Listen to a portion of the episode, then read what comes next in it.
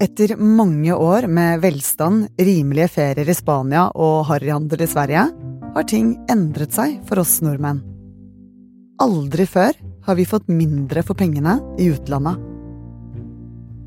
Ferie i USA dyrt. Langhelger til Frankrike, Italia, Portugal svindyrt. Kronen vår har blitt så svak at til og med svenskene drar til oss for å handle. Hva er det som skjer med den norske kronen? Du hører på Forklart fra Aftenposten, og jeg heter Synne Søhol.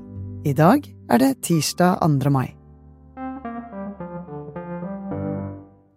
Den norske kronen den ligger nå på intravenøs behandling. Den er ekstremt svekket. Den har det fælt, rett og slett. Sindre Heierdal er økonomikommentator i E24 og har ikke tenkt seg på noen lange utenlandsferier denne sommeren. Mens vi for ti år siden kunne få en euro for bare syv kroner, så ligger den nå på tolv kroner. Og dollaren? Den har doblet seg. Vi hadde en liten periode i mars 2020, eh, under eh, pandemiens utbrudd. Eh, da var kronen omtrent like svak. Men det varte ikke så lenge. Det gikk ganske kjapt opp igjen når frykten for eh, fullstendig katastrofe i verdensøkonomien gikk litt over. Hvis vi ser bare på hittil i år, eller enda mer, siste ti år bredder det ut, så er det en vanvittig svekkelse vi snakker om mot de ledende valutaene i verden som euro og dollar. Men hvorfor er kronen så svak nå? Det finnes ingen entydig fasit, dessverre, på hvorfor kronen er så svekket. Du kunne i prinsippet også bedt en papegøye om å kaste kron og mynt for å forstå hvordan kronen beveger seg, for det er så vanskelig å sette seg inn i hodet til alle de som handler valuta i eh, verden. Men vi har noen gode teorier som jeg tror har en god del for seg, og en av de er uro i verden. Hendelser i verden påvirker økonomien og valutakurser. Som krig, pandemi, finanskriser ja, alt som virker inn på hvordan vi ser på fremtiden. Har folk tro på at verden går bra, går også økonomien bra. Men når verden er urolig, som nå, så er den norske kronen spesielt utsatt.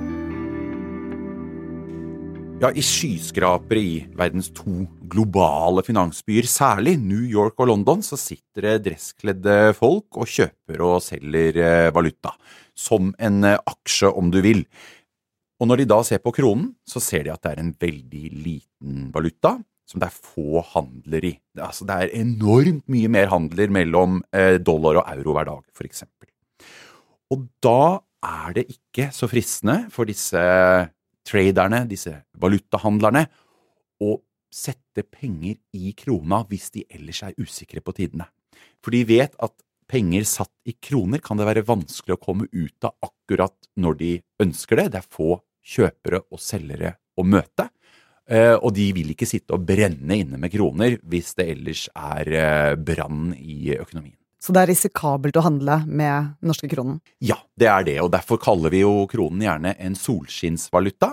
Den nyter godt av at det er ro og investorvilje, og den er altså en, eh, en valuta som skyr regnvær. Så ingen vil kjøpe norske kroner når det er dårlig vær. Og det er bare én av de tre viktige grunnene til at norske kronen er så svak som nå. Og konsekvensene av dette, det vil du merke greit til høsten.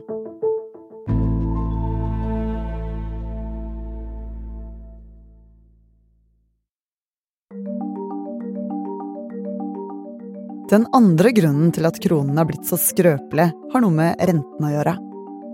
For kronen blir også påvirket av hvordan rentene er i andre land. Ja, Hvis renta i Norge er lavere enn i andre land, så får du mindre ut av å putte pengene i eh, Norge. Man velger jo å putte pengene et sted som også gir en god rente. Eh, det er en tommelfingerregel, eh, så det er bra for en valuta jevnt over om renta er høy, hvis økonomien ellers er under kontroll. Men nå er styringsrenta i Norge under amerikanerne og eurosonen, og utsiktene er fortsatt at den ikke skal være like høy som hos mange av våre viktigste handelspartnere. Så renta i Norge er lavere enn i andre land? Ja, og den kommer også fra et annet sted enn i mange andre land. Vi hadde jo lenge en situasjon hvor særlig våre viktige handelspartnere, svenskene og europeerne i eurosonen, hadde minusrenter, mens vi holdt oss på null, så vi hadde jo egentlig bedre rentenivå. Og nå har de bykset voldsomt opp. Vårt eh, byks opp er da mindre, og det gjør oss litt mindre interessante for valutahandlerne. Så hvis kronen blir sterkere med høyere rente, sånn som jeg har forstått det, betyr det da at en svak krone er med på å dytte renten enda lenger opp? Helt riktig, og dette var Norges Bank også opptatt av forrige gang de la fram eh, en ny renteprognose. De sa at skulle kronen svekke seg enda mer enn de nå tror, så vanker det enda flere rentehevinger. Hva er det som svir mest for eh, folk flest, da? Er det svak krone eller høy rente? Mange vil nok svare høy rente, for det er veldig mye bolån der ute med, med flytende rente i eh, Norge, og vi betaler jevnt over mange tusenlapper mer nå i måneden for boliglånet enn vi gjorde for bare et år siden. Men hver gang vi skal forholde oss til utlandet, i nettbutikken, på reiser osv., da kjenner vi det brenne av eh, kronen, så det er eh, heller ikke noe hyggelig bidrag. Den tredje og siste grunnen handler om det Norge er aller mest kjent for olje og gass. Olje har jo gitt oss mye rikdom, men samtidig så er vi helt avhengig av oljeprisene. Det er litt som med den uroen som vi snakket om i stad. Går oljeprisene opp, så har verden troen på oss og har lyst til å investere kroner. Men går prisene ned, som de har gjort nå, da blir det verre. Utlendingene ser jo på Oslo Børs og norsk økonomi som en litt uh, syk økonomi, eller i hvert fall en annerledes økonomi, veldig prisgitt olje- og gassektoren. Og når oljeprisen stiger, så får utlendinger troen på Norge. De ser at dette tjener vi mye penger på, når den faller, så mister de litt av troen. Da har de ikke så lyst til å sitte med norske kroner. Så når verden er urolig, vil ikke de dresskledde folka i London investere i norske kroner, fordi det er en liten og mer risikabel valuta. I tillegg er rentene i Norge lavere enn i andre land, og man får mindre igjen for å investere her. Siste grunn er det med oljeprisene. Når de synker, er utenlandske investorer mindre interessert i norske kroner. Alt dette har nå gjort kronen rekordsvak. Men gjør det noe? Det er jo et eh, både og. For forbrukerne vil jeg si at eh, det gjør at vi blir fattigere når vi sammenligner oss med andre land. Det blir dyrere å handle fra utenlandske nettbutikker, og vi får mindre å rutte med når vi drar til utlandet på ferie, iallfall de fleste land. Men det vi nok vil merke aller mest i hverdagen her hjemme, det er når alle som nå importerer varene vi trenger, skal forhandle om nye kontrakter. Når man skriver en kontrakt da på å importere paprika, så blir man enige om hva prisen på en euro skal være. Da gjør det ikke noe at krona blir svakere, paprikaen koster det samme. Ja, Som andre ord så blir man enige om en verdi på valutaen på starten av en periode. Ja, men framover i tid så må kontraktene reforhandles. Om et halvt år så vil den svake krona for alvor skylle inn når vi går i butikken, leter etter paprika, nye klær eller forbrukerelektronikk. For da må forhandlerne forholde seg til at det blir mye dyrere å kjøpe inn varene fordi krona har blitt så svak. Men hvis man bare kjøper norske produkter, da, eller bare er i Norge, eh, blir man påvirket av svak krone da? Nei, det er jo fristende å, å, tenke tanken, men dessverre er jo Norge et av landene i verden som handler mest med utlandet. Og fryktelig mye av det vi trenger i hverdagen, det er det nesten bare utlendingene som lager. Klær, sko, forbrukerelektronikk, biler, det hele. Ja, så ingen slipper unna. Den svake kronen vil også ramme dem som velger norgesferie. Men for noen er den svake kronen gode nyheter. Det er jo særlig godt nytt da, for den tradisjonelle industrien vår, den som lever mest av å eksportere ut til utlendingene. For med svak krone er de blitt mye mer konkurransedyktige mot andre land.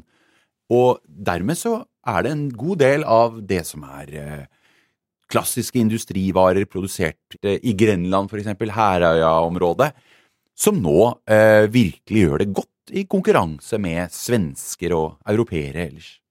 Hvordan kommer det til å se ut fremover for eh, den norske kronen? Det blir jo litt eh, bingo. Det er fryktelig vanskelig å forutse. Men hvis USA nå slutter å heve renten snart, som er mulig, kanskje får vi den siste rentehevingen fra USAs sentralbank alt i mai, da kan vi begynne å se ganske mye bevegelse på børsene. Kanskje får en eh, del investorer litt mer troen på fremtiden nå, og på mulige rentekutt framover i tid. Det kan potensielt bidra til å både gi litt mer global ro og gjøre investorene litt mer risikovillige. Og da kanskje de tør å putte litt mer penger inn i den lille norske krona. Samtidig, jeg tror ikke vi skal tilbake til eh, nivåene vi så for ti år siden. Kronen kommer ikke til å bli en skikkelig sterk valuta igjen på lenge. Vi må venne oss til at vi ikke blir like rike når vi farter rundt i utlandet som vi har vært. Så den norske turisten må endre på imaget sitt? Ja, det må vi nok. Kanskje vi blir litt mer eh, sympatiske av det også. Litt mindre selvgode. En realitetssjekk for eh, mange av oss. Eh, jeg har jo blant annet merket i Sverige at jeg synes de virker litt sånn jevnt over, kanskje litt hyggeligere. Litt mindre fulle av oljegryn. Og det er kanskje litt av vår fremtid også.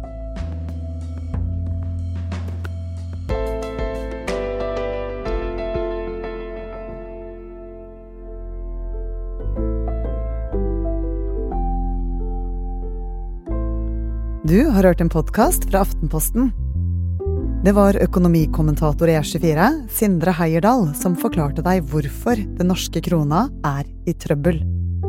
Denne episoden er laget av produsent Olav Eggesvik og meg, Synne Søhol. Resten av Forklart er Anders Weberg, Philip A. Johannesborg og Jenny Førland. Ok, det finnes spørsmål som det ikke er så enkelt å google, typ Ukraina-krigen. Hva er det som gjør at soldater springer tilsynelatende frivillig inn i døden? Og hvorfor sier folk som jobber med kunstig intelligens at maskiner begynner å bli bevisst? Og hvorfor har vi i det hele tatt et strømmarked når det gir oss dyr strøm?